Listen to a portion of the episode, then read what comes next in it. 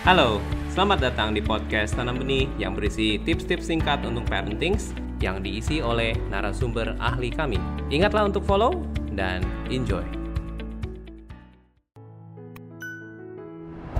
Sebagai contoh, berkaitan dengan berkata kotor. Coba pikirkan ini. Untuk seorang anak bisa berkata kotor, paling sedikit ada dua komponen yang harus dia punya. Pertama motif, keinginan untuk berkata kotor Ya kalau dia tidak ingin, ya tidak akan ngomong. Ya kan? Kedua adalah konten yang kotor. Kalau anak tidak punya perbendaharaan kata-kata kotor di kepalanya, ya tidak akan keluar kan omongan kotor. Masuk akal kan? Jadi perlu dua komponen itu dia. Motif dan konten. Nah, motif itu berkaitan dengan temperamen. Misalnya anak mudah marah.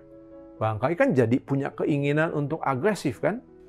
Dan berkata kotor adalah salah satu bentuk agresivitas. Sementara konten, konten itu ya hampir tidak ada kaitannya dengan temperamen, itu lebih ke lingkungan. Konten itu kan hasil memasukkan pengetahuan tentang berbagai macam kata-kata kotor ke dalam memori, itu kan? Oleh sebab itu, kesimpulannya, kalau Anda tidak mau anak berkata kotor, yang pertama ya latih temperamennya supaya dia tidak punya motif untuk berkata kotor. Jadi kalaupun dia marah, tetap dia tidak punya keinginan untuk berkata kotor. Ya. Kedua, kalau tidak mau anak berkata kotor, jaga supaya tidak ada konten perbendaharaan kata yang kotor yang masuk ke dalam otaknya. Dia tidak dengar orang berkata kotor, dia tidak lihat orang lain sedang bicara kotor. Dia tidak nonton televisi yang isinya adalah kata-kata kotor.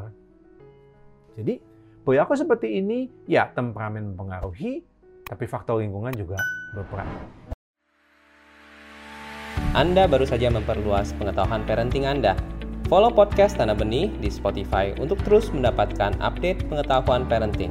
Mari bersama-sama menjadi orang tua yang lebih baik untuk generasi bangsa yang lebih baik.